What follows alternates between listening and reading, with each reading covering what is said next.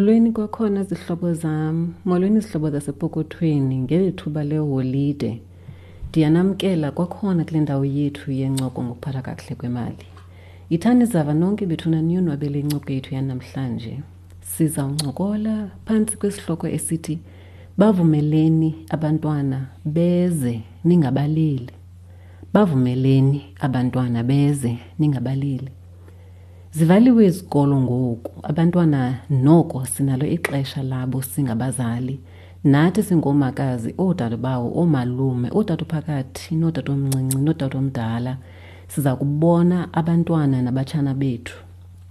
Wonke umntu ngumzali ke kuba sonke sijongiwe ngabantu abatsha. Futhi sithi esikwangumzekelo kubo ngezenzo zethu noba uyathanda noba awuthandi ubukelwe mama tata malume tata phakathi antana makazi nawe dadobawe ungathethwa ethethayo kodwa ubukelwe okusalayo njengoba besitsho berhawutini okusalayo ubukelwe. Ndithi mandikhuphe ikhwelo elithi ke kweli thuba leholide lokuphumla nokukhokha umoya makhe silenze ixesha lokuncokola ngemiba yepokotho nabantwana bethu. Nabantu abasebatsha. Ukuba phako kowenu nenza into njani okanye niza kukhupha umfana esuthwini okanye noba niza kwenza i-21st noba incinci noba inkulu kangakanani na xa niyala mzontsundu sanokuyishiya le ndima yokuphathwa kakuhle kwemali. Ibalulekile ibalulekile masingayishiyi le ndima yokuyala ngemiba yokuphathwa kakuhle kwemali mawethu abanye bethu siyavimba abanye bethu siyatsafaza abanintsi kuthi sikhula sibona kungena ematyaleni kusenziwa oopush push iindlela bethuna zokuzama ukwenza imali lula.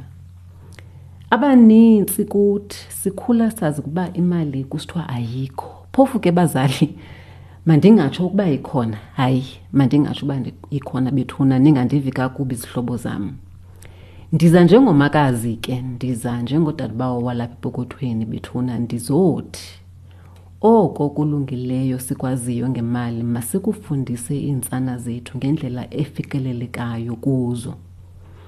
Abaneminyaka emine okanye elishumi okanye elineshumi elinesithandathu bohlukile bonke abo bantu. Kwaye ke kuzawufuneka sincokole sithethe nabo ngokwahluka kwabo ngoba abafani nguwe olwaziyo wena olakho usapho ukuba uzolulungiselela kanjani. Kodwa ayicinge le nto ululungiselele usapho lwakho uyilungiselele le ncoko.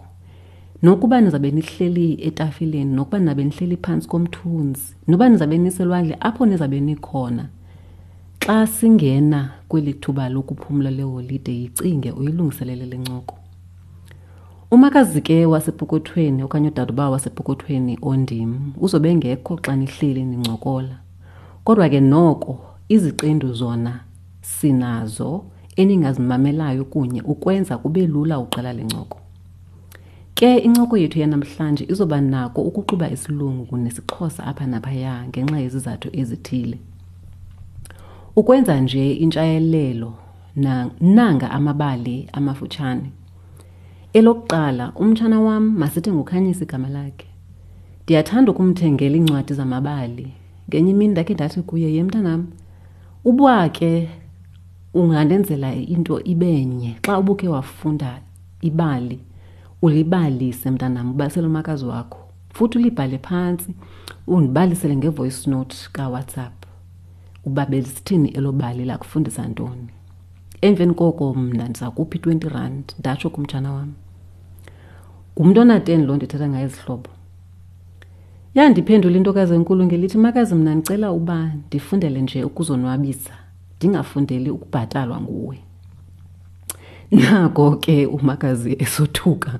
He ndabamba ngezantsi kuba kaloku mna bendicinga uba ndenza into ezomenzela umdla umntana. Ndimtsala ngemali xa ndimrhalisela ngokumbhatala i-twenty rand ayabi namsebenzi ke leyo kuba ke ethubeni sade sazifumana wethu indlela zoba sincokole nomtshana wam ngendlela yokuphatha kakuhle imali eh uyayazi imali uyalazi ixabiso lemali. Kodwa ke mandivume kuni izihlobo uba le ndandiqala ndizama ukuyenza hayi zange isebenze zange ndilungele ukuba le intombi cacile ukuba ayizifuni izinyobo ii-bribes ke ukutsho.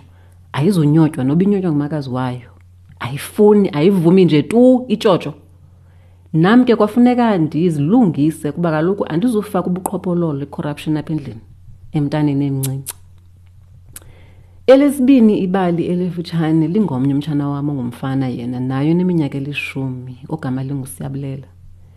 Yena ke samva ngenye imini ngomthandazo wangokuhlwa esithi uthandazela bonke abantu abangenazo i-funeral policies. Okanye le nto sithi ngoomasingcwabane kuba ke sihlobo xa kuthandazwa akumelanga uncokole ngomthandazo womnye umntu xa kugqityiwe ukuthandazwa. Sabona uba hayi masimiyeke usiyabulela ngale mini.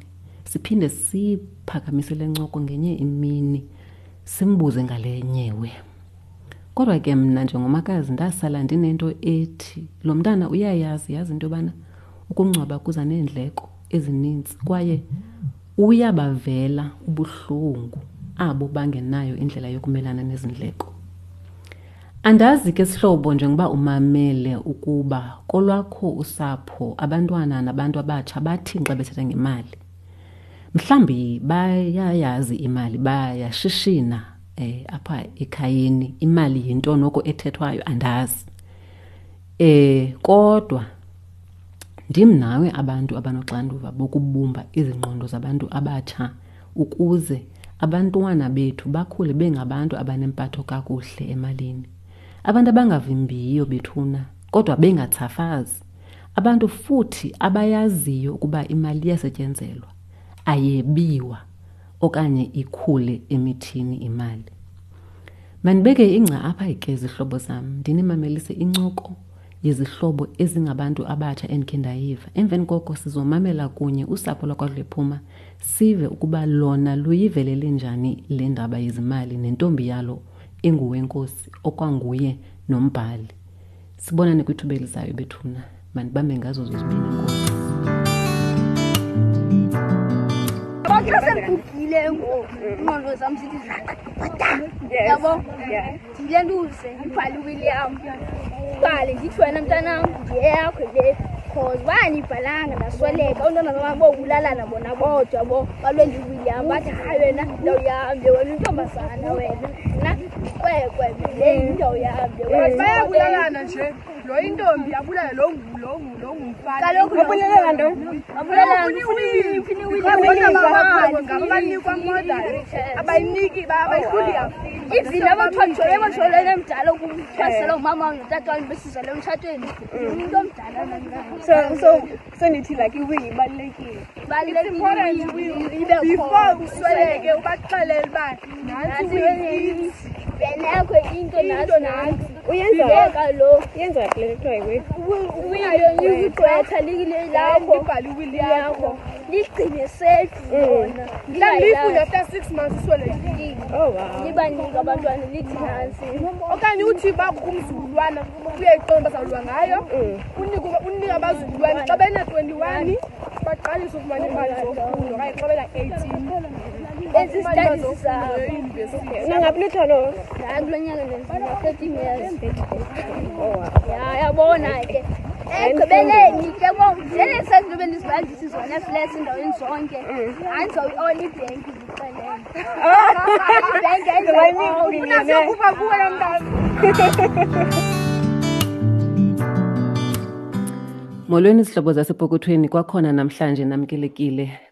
kule ndawo yethu yencoko ngokuphathwa kakuhle kwemali molweni nani izihlobo ezicala ukungena kweli qonga? Molweni nani nina ningobetha bebuyelela? Yithani zava nonke bethuna niyonwabele incoko yethu yanamhlanje? Apha sincokola kuba sisabelana ngamava ngolwazi kwakunye nezinto esizaziyo ezingeyiyo i-textbook. Izinto endingathi siye sazixhamla apha ebomini i-experience ukutsho ke kwamangezi ukuze wenze isigqibo sokukhupha imali epokothweni yakho qiniseka ukuba unalo ulwazi okanye uqhagamshelane nabaqeqeshiweyo abakwaziyo ukukuncedisa ngokungqamelene nemeko yezimali zakho. Ncamashi okwesibini le ncoko le ayibhatalelwanga ngabaqeshi bethu okanye ayikho tu imali esiyihlawulisayo ngokuba usimamele. Ayithengisi bethu nale podcast iyafundisa.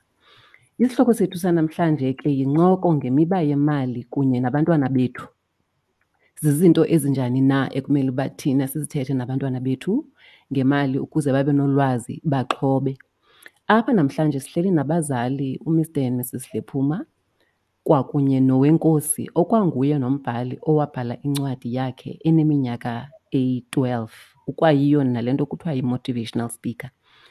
um ndizawuthi masiqale ngawe tata udlephuma uzibulisele kwizihlobo zalapha epokothweni usazise uba usapho lwakho ningamani nisuka phi Enkosi kakhulu, mandizibulisele kwizihlobo zasepokothweni. Ndibulele ke nokufumana eli thuba loba nam eh, nathi simenywe sizoba inxalenye eh yaba yolu yolu sapho lwasepokothweni.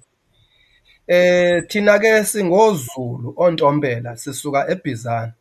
Silusapho ke lwendlu yakwaDlephuma. Eh ndim nonkosikazi uNtsiki Dlephuma eh nentombi ezine. Uwenkosi lo ke yena ke uyintombi yesithathu. Enkosi. Enkosi kakhulu enkosi kakhulu ba uZulu. Eh singaphozisanga maseko. Mama phume nawe ngena uzibulisele phofu singekangena emxholweni. Mandibulise ke nam kwizihlobo zasepokothweni. Nam ndiyavuya ukuba khona apha epokothweni namhlanje. Enkosi. Um Wenkosi, would you like to say hello to the listeners of um, Epokotweni? Hello, I'm Wenkosi and I'm grateful to be able to talk here. Um masicele kuwe ke tata uDlephuma singaphosanga maseko singene kulomxholo wanamhlanje wanamhlanje uwenkosi isiphiwo sakhe sokubhala nokukhuthaza abanye abantwana niqale nini ukusinakana? Uh sicela usibalisele ukuba ukuze kude kubekho incwadi kwenzeka kanjani?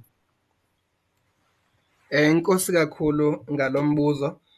Eh uwenkosi eh uqala kwethu kumbona uba ungumntwana onomehluko. Simbone esese crèche ubefunda eKingdom Kids. Eh xa ndicinga inoba bepha ko 6 years. Eh ube athi athanda ukudlala ngezinto abazifundiswa esikolweni. and eh, besiye sothuke kakhulu ke because enkonzweni siba nento yoba abantwana abantu banikwe ithuba lokungqina nowenkosi ke ubeyevele azinike kuthi xa kusiya abantu ngaphambili naye aye ngaphambili sithi sisothukile uba uzothetha ntoni ke na kuba emncinci? Asuke athethe eh, enze izicengcelezo ezibazifundiswa esikolweni. Sam ngamanye amaxesha abe ibe li yiverse bible verse abayifundisiweyo nayo eyimemory. But ke into ebeyisothuse kakhulu ibiba yindlela ayenza ngayo because baye ayithethe ngokungathi uyayi-understand. Isothuse ke loo nto kuba simbona esemncinci esena-six ngelo xesha. Enye into esiye sayiqaphela ke yinto yoba naxa sithandaza siyifemeli siba nento yoba sifunde ivesi sibe sesithi umntu makatsho- into ayi-understandayo ukuba ibithini le nto besiyifunda uthe kwangelaa xesha eseno-six ubeye athi xa icacisa ivesi le bekuthethwa ngayo abonise i-understanding enkulu isothuse loo nto. Naxa sinabanye abantu kwizihlobo ezisifakasheleyo beziye zothuswe yi-understanding yakhe indlela le ayi-understanda ngayo ibhayibhile nendlela eh akwazi ukucacisa ngazo izinto. Eh umama wakhe ke ube ungumuntu othanda kakhulu ukufota. Eh uthe ke ngoku kwezinye kwezinye izinto ubeyathi athi naxa mhlawumbe kukhona i i-friends zakhe wenkosi ubeyazama ubethanda ukuba apractice uba ngutishala ezinto azifundayo afuna ukuzifundisa abanye abantwana xa ehleli nabo. Then umama wakhe waba nale nto yokuthi ke ngoku amvideorayize sometimes amvideorayize engaboni nokubona. Enye yezi video ke ngoku wavele wayiposta kufacebook um kulapho wenkosi wayethetha ngendaba yokusebenza kwengqondo nokusebenza kwenhliziyo um ethetha nabanye abantu noontanga bakhe. Uthe ke wayikuyiposta kufacebook abantu abanintsi bothuka bebona le le video nendlela a-explaina ngayo izinto baqala bam-invite eh waqala uku-invitwa kwi-book launch. Then from i-book launch wa-invitwa ke ngona kwezinye i-events. Kulapho ke ndingabulela kakhulu abanye babantu eh abanjengo Mr Mathafa Pastor Mathafa no Pastor France Mhlophe because baye bamvela amathuba.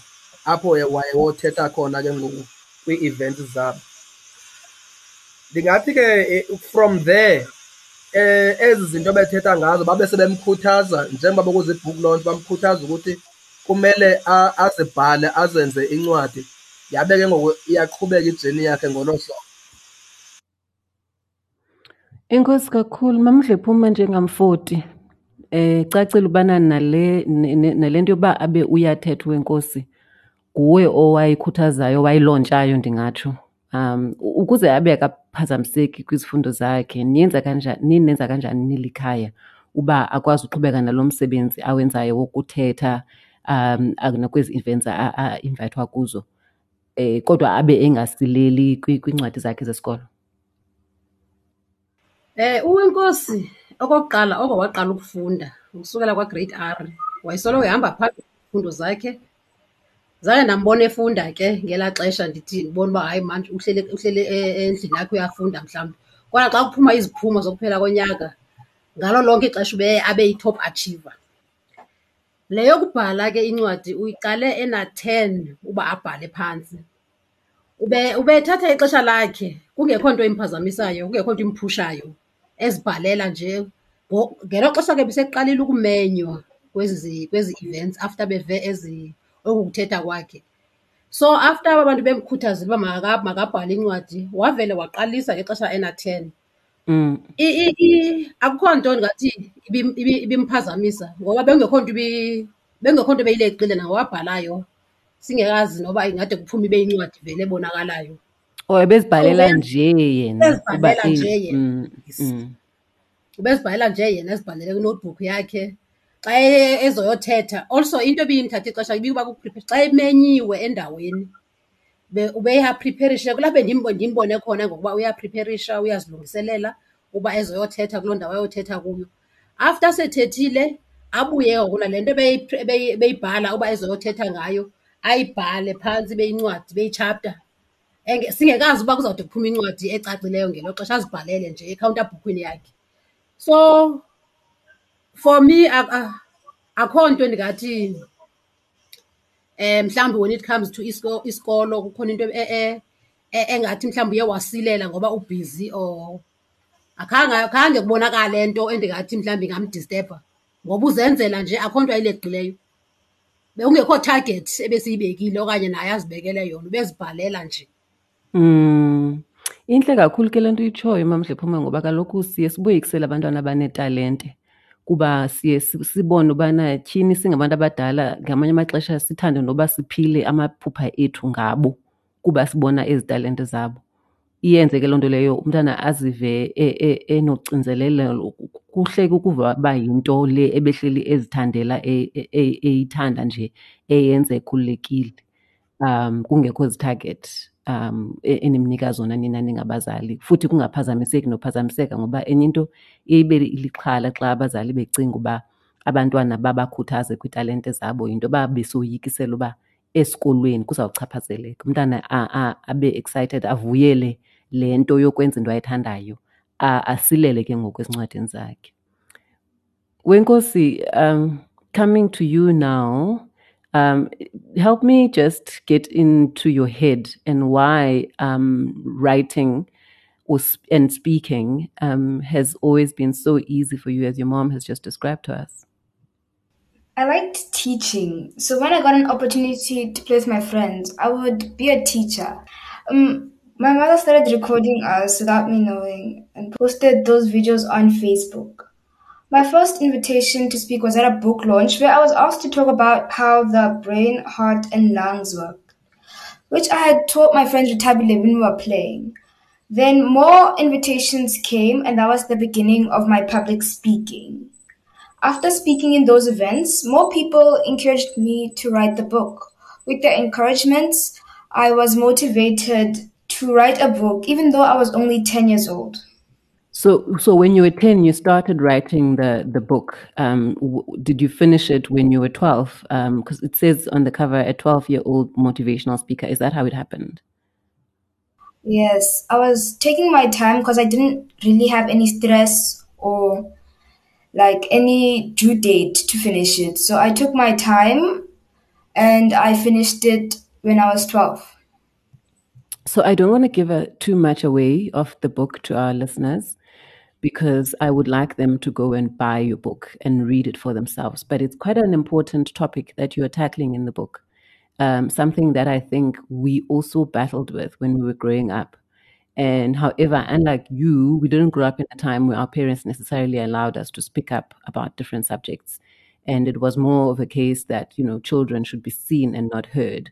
Um, I'm generalizing here, but I think as an African family, reading your book was quite an eye opener for me that it's an African family that has encouraged um, your, you know, their daughter to to write.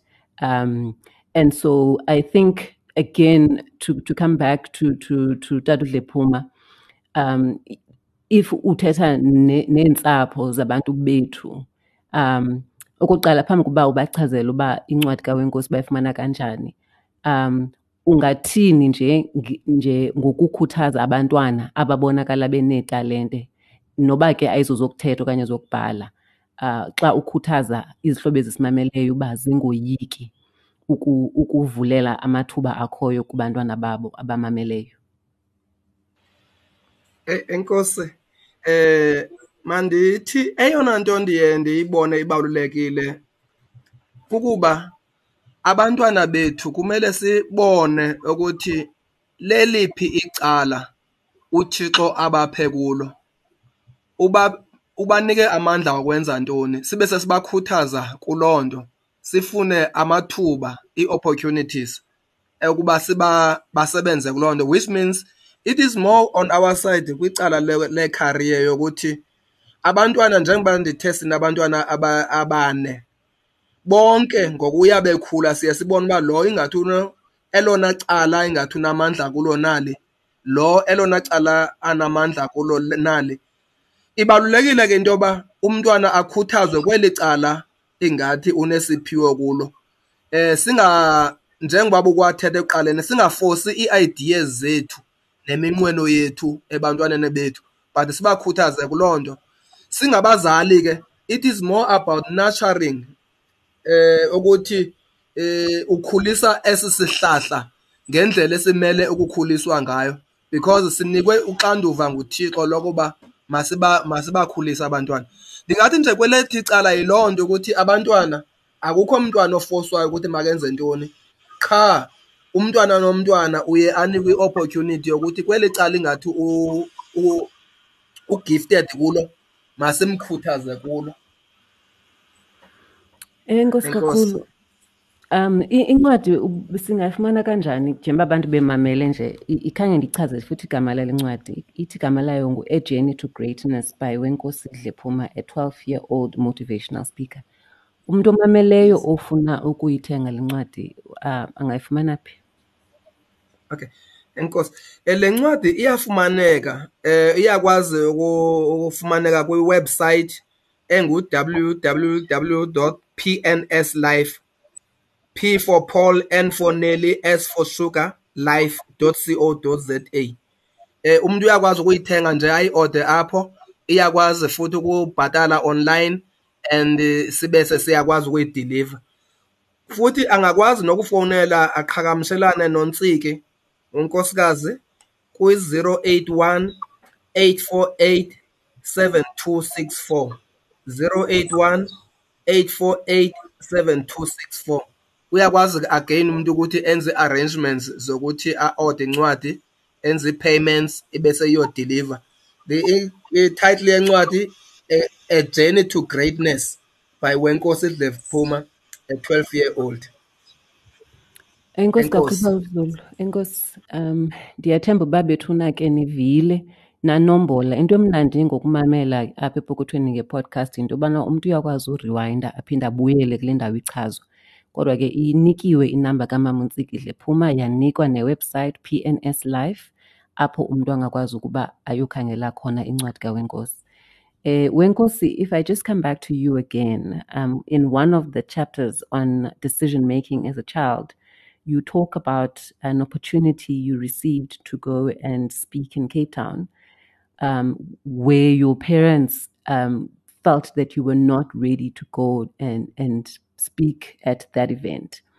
Um, can you tell us a little bit of what you learned from your parents and their wisdom in saying that you are not quite ready for the Cape Town opportunity? Because it was a very exciting one from what I'm reading in the book, because you were going to get to fly um, for the first time, if I'm not mistaken.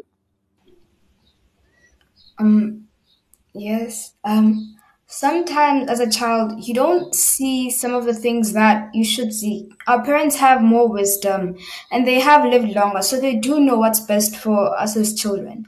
But, and sometimes as a child, we can't really see what's best for ourselves because we're children, you know, and we haven't lived that long and we don't have the wisdom our parents do. So I learned that I should trust my parents' decisions because they know what's best for me and that's what they are trying to give me. And so, were you then able? I mean, I'm imagining that at the time you were a little bit down or, or disappointed from not being allowed. Um, do, would you say it took you a while to to understand the reasons that they gave for you not being able to go when you w- would have wanted to go? It did take me a while to to not be upset because at the time I didn't see why they told me not to go, but over time I learned to understand the reason. All right, thanks thanks so much for the, those reflections. Mamuhle Phuma, um ndibuyele kuwe kuba kaloku sekutshiwo ubana enye indlela zofumana le ncwadi kawenkosi kuqhagamshelana nawe. Eh aniphisi ke ngezincwadi futhi naxa eyothetha kwezi nkomfa ndi- ndifuna ucinga into yobana kukhona iinto zemali ezithi azinikwe uwenkosi kuba ebhalile okanye enikeze intetho ethile ngokukhuthaza endaweni ethile. Ni niye loo miba senditsho uba ungabalisa eh ngoku-comfortable ngakho uba niye nenze kanjani ukuba azive njengombhali njengomntu onikeza ezi ntetho ukuba naye una, unabo noko ubugcwabalalane epokothweni kodwa ibe isandla e- esiqinileyo no- nobulumko benu njengabazali nimncedise ukuba ayiphathe kanjani le mali. Ungasibalisela uba neza nenza kanjani? Oh, okay. Eh uwenkosi okokuqala uneakhawunti yakhe. Sabona kukuhle kufanelekile ukuba simvulele i-akhawunti yakhe ukuze xa efumana ezi mali aye azifumane zingabhidani nemali zeekhaphetshu zethu zalapha endlini? So ekuqaleni ke uwenkosi wayengaziniksi ngezo mali. Njengoba ese- eseyimayina ke i- a- naloo akhawunti mos i- i- sithi sine-access kuyo besi- eh, more than yena. Ekuqaleni ke uwenkosi bengaziniksi ngezo ngemali eh, kwangezo mali. Ndithe ndisacinga uba ke mna uwenkosi akaziniksi ngemali. Andazi uba kwakutheni ndeva uwenkosi sendibuza. Ebuza uba how much do i have now? Ndothuka uba oh okay. Ndabona ke ngoku uba oh okay kusho ukuthi umntu lo ukhulile ngoku. So xa sendibona uba ukhulile ngokumntu ndaqala actually waye- wayengabuzi uba how much do i have? Wayesithi um andazi uba sasi- kwakufuneka ntoni. Ndathi ke mna hayi ugona uzothatha emalini yakho. Kwalapha qalayo ke ngokubuza uba ndinamalini? Ndathi xa ndisitsho uba unemali ekunga wa- wangathi uyathandabuza uyabuza uba oh bendicinga uba ingaka imali yam ben- ngoba ngokuya ndafumana imali ekunga ndaphinde ndafumana imali xabo uya- uya- uyahlanganisa abone uba hayi, noko uyabala. bekufanele- uyabala uba bekumele uba seyilapha ngoku le mali.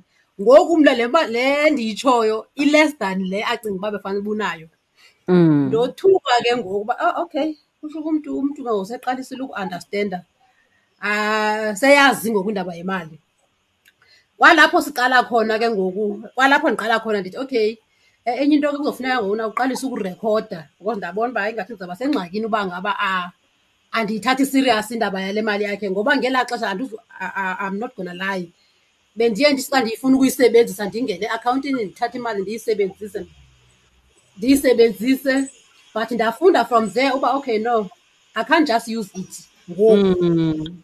Ah, kumele ngoku uba ndi- ndifuna ukuyisebenzisa ndithethe naye. Ndamxelela ke uba okay masiqale ngoku sibale. Unemali enga ngoku ndambonisa eakhawuntini yakhe uba unemali enga ngoku. So xa sikhupha imali ke ngoku ndamxelela uba kumele arekhode ukwenzela uba azazi uba unemalini kushiyeke ntoni. Xa ngabe funa khona into ayifunayo A- akangomntu othanda ukuspenda ke. Nantso enye into endiyiqa- endiyiqapheleyo. Kodwa ngale ndlela athanda ngayo ukufunda or i- i- andazi bazothi knowledge bazothini xa u- ube- uye eze athi um kukhona kukhona incwadi endiyifunayo. Mm. ndicela ukuthengelwa le ncwadi emalini yam. Then andithi uyayazi uba ka- i- kuya- kuyabha- ndisesimfundisileyo kuba kuyabhajethi so xa ifuna into ngoku uyakwazi ukuthi ndicela phaa emalini yam ukuthenga incwadi ethile. Hayi nyhani sihambe siyomthengela loo ncwadi. Kangangoba kungekudalanga nje u- ukhe we- njengoba ndithi akangomntu othanda ukuspenda into endiyiqapheleyo yoba when it comes ekuinvesteni for iknowledge yakhe aka- aka- akayoyiki le- akayoyikiseli leyo indawo ukubhatala Mm. so ukhe wenza esithi um esibi- eza kum notatakhe esithi ucela ukwenza i-coding. Wathi um ucela ukwenza i-coding but singathatha emalini yakhe simbhatalele kuyo. Same samenzisa ke indaba ye-coding. Kuba sesibona uba uyayi-understanda indaba yemali ngoku so Mm. ke yiyo ke xa sendi- xa sendi- ndisiva indaba yasepokothweni. Ndaba ne-interest because ke i-truth nathi ngoku singabantu abadala kukhona i- i- izinto kuye kufuneke ubone uba hayi lapha ndi- ndidinga ukufunda. Ndaxa nda- xa ndandiqala ukumamela i- i-podcast yepokothweni i think yayithetha ngeendaba zeentsomi ze- ngeentsomi Eh, eziye esiye sizenze uba kuba khona iintsomi zoba hayi imali ise imali ingaka ngoku incinci. Andidingi ukwenza budget all those things. Ndafunda apho ke ngokuba okay ndiyafunda apha ndibuye ndizofundisa abantwana bam ngazo zonke ezi zinto. So naye kwiwenkosi simfundisile about that. Yho ndi- ndi- ndi- ndi- ndiyazi ndiya um- umphefumlo wam uyavuya kuba kaloku njengoba benditshilo kuwenkosi ngoku thina sasikhula umntana wayekhona nje e- e- e- like umntana wayebonwa nje uba ngumntu okhoyo kodwa kuba kumanyelwe izimvo zakhe uba xa esithi u- kwenziwe kakuhle amanyelwe. Andanoba kuphaya ekhaya na kuphela. Um thina kwaku sasimamela loo nto ithethwa ngabantu abadala.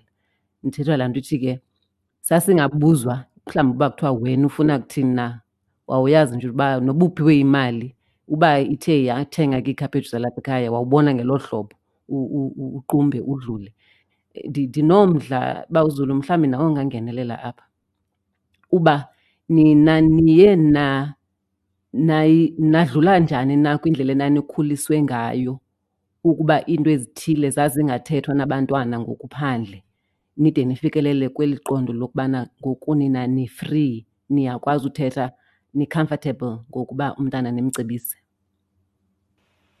Enkosi. Le lo mba ubaluleke kakhulu kuba ke eh na liyinene eloba abazali bethu ngexesha esakhula ngalo thina. Eh naxa ubuye mhlambe uyosebenza usebenza nabazali kwinto engathi litorho ubungabi involved kwindaba yemali. Ubungayazi noba kubhatelwe emalini yathini ungazubalwe kokubalwa.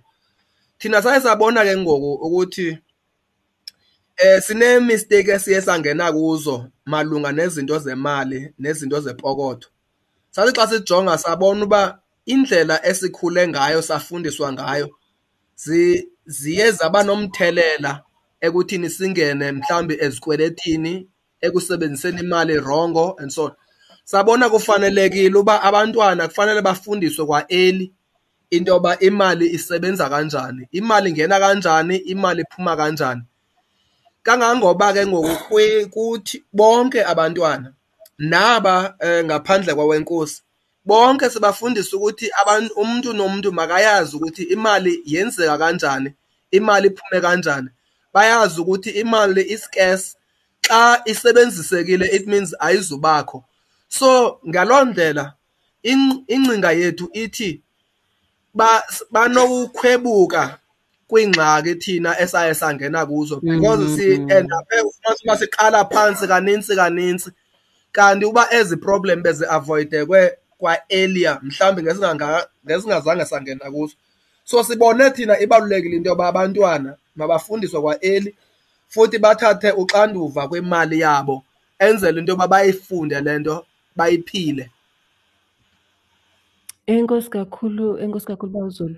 Wenkosi, um, to just come back to you before we, we wrap up today's conversations, um, are there any budgeting or money tips that you can share with other young girls and boys your age who are listening to this podcast um, that you have been taught by your parents or picked up along the way? You should always try to make sure you know how much you have in your account and you should like take account to what money you do use and make note of that so that you always know how much you're supposed to have. And what kind of things do you mainly spend your money on? Um, if you don't mind sharing a little bit, one or two things that um, that you track um, that you, you spend money on once once you've got it. What are the most important things for you? I mean, I buy clothes with my money and I even bought my phone with the money that I worked for. Okay. So, um, and your mom was mentioning that you you like investing in knowledge in your in your own sort of um, knowledge base, things like coding, things like reading further. Um, would you say those are also things that are important to you? Yes, I do um, buy books and I do like to attend classes. And if that means I have to invest my money to, for it, I would like to. All right, Wenkosi, um, thank you for making time this afternoon to chat to us. Um, Bawuzulu, nawe Ntsiki siyabulela kakhulu ngokulenza ixesha. Eh ikhona mhlambi into phambi kuba sivale ndivulele mama uDlephumo okanye wena tata uDlephumo umyalezo ongabashiya nawo um abahlobo basepokothweni abasimameleyo. Oh, okay. Umama Dlephuma. Eh mna into endi endi endifuna ukuyitsho okokuqala sifunda from i-mistakes zethu and asifuni abantwana bethu baphinde i-mistakes esasi- esazenzayo when it comes to i-finances. So ndi- ndinestory esincinci umzekelo nje we, we, we, we mistake that, that once happened ngexesha ndandisesikolweni sasisesikolweni you know you know mos xa ufika eyunivesithi ufumana ukwazi for the first time ukwazi ukuvula ii-accounts ukwazi ukuvula eh, ii-shops nje ii-clothing accounts Mm. Ingathi bayakupha la makhadi. yes ngexesha ungekasebenzi so yenzeka ke kum loo nto yokuthi ndawavula amakhawunti ndikhumbula kakuhle ndandinoo-pages ndino ndino-truwords ndino-fortune ngoba ndandiphiwe imali ekhaya i-pocket money ekhaya. So at least ndandikwazi uzibhatala xesha ndisesikolweni as accounts. Sa ndagqiba esikolweni kwafika ixesha loba ndifune umsebenzi. Ndikhumbula kakuhle emount frere kune- kunebhenki i-f n b. Mm. ndikhumbula kakuhle unotata umfundi- umfundisi umgandela ngoba engekabi ngomfundisi ngelo xesha. Wandizamela umsebenzi e-f n b. Ndaya kwii-interview ze-f n b hayi bandithanda i-f n b. Khumbula kakuhle eh, ndifowunelwa phayana kusithiwa xa sendifowunelwa kuthiwa um nontsikelelo you were number one kwi-interviews. We want you here. Kodwa ke ngokuna ngokomthetho wasebhenki asivumelekanga ukuba xa ngaba umntu ene- ene-arrears ene- ekwi-bad- ene- enamatyala angawabhatalanga. So kukho namatyala abaziwa ke lasepages elasefortune andithi kaloku ndiphumile ngokwesikolo andikasebenzi Mm. andinamali yokubhatala i- e- loo matyala ngoku. Hayi ngoku ngoba lo lezi accounts ndizivule ndodwa akhange ndixelele abazali bam xa ndivule accounts abayazi noba ndine-accounts ngoku andisakwazi ukubuyela kubo ndiyoyika ukubuyela kubo ndiyothi heyi ingathi ndithole umsebenzi. Qha ke ngoku nakuthiwa kufuneka ndiqa ndibhatale iakhawunti and apha ndiwungawufumananga umsebenzi because andikwazanga. Ndanikwa itshansi ndanikwa itshansi yoba mandihambe ndiyobhatala amatyala ndibuyele back ndize nezi- neziliphu ezibonisa abantu wabhatele ayikho imali yokwabhatala ndawuluza umsebenzi ngaloo nto. So zizinto ngona ezenza uba sibone kukuhle uba sibafundise abantwana bethu ngezi zinto ukuze bangangeni kwimigibe thina esiye sangena kuyo. Yiyo kangoku le nto ndithi xa ndimamele epokothweni kangangokuba ndibele into eyandivuyisa kakhulu xa ndibona epokothweni um my daughter lo una-sixteen years. Ndafumanisa uba uyayilandela epokothweni ude athi ndibona ngecomment endiyibona phaa epokothweni ke mna ke esithi um yena ufuna eyesixhosa ubefuna umamela isixhosa ufuna ufunda isixhosa phaa epokothweni. Mm. uyayi-enjoya but ufuna isixhosa. So ndizama ukuthi yi- yi- yinto ebalulekileyo leyo yoba sibafundise abantwana bethu siba-encourage about ukuhandla ii-finances ukuze bangangeni kwizinto esingene kuzo. So yiyo ke le nto esiyizamayo nathi kwabantwana bethu. Enkosi bawuzulu andazi noba acwengile. Uyafuna ukwaluleka emsundulweni okanye mandi mandibulele nje elithuba eh sibe nalo na- nelithuba uThixo akusebenzise ngalo uba uvulela amathuba. Ndinethemba loba le le nkqubo yasepokothweni izoba lulutho olukhulu ebantwaneni nasebantwini ke in general because into ebalulekileyo kakhulu into yoba masiqeqeshe abantwana ngendlela yoba bengazungena kwingxaki ethina esaye sangena kuzo. Aw- awam nje ngokuthi mandibulele kakhulu and eh, i think sizoqhubeka nokuyixhasa le nkqubo ngendlela enokuthi eh sibone ngayo ukuthi singenza kanjani. Enkosi kakhulu. Ndiyabulela kakhulu ngokwenza ithuba uh, nowenkosi. Wenkosi thank you so much for availing yourself. Um, your mom and i go back a long way. We were in technicon at the same time. Zihlobo ezimameleyo bethuna andifuni ukuwagxobha asicwingile la mazwi. Niyayazi ke uba sikhona kuzo zonke i- i-social media epokothweni ukuba une-iphone ngena ku-apple podcast okanye kuspotify okanye google podcast uba ngabe une-android phone.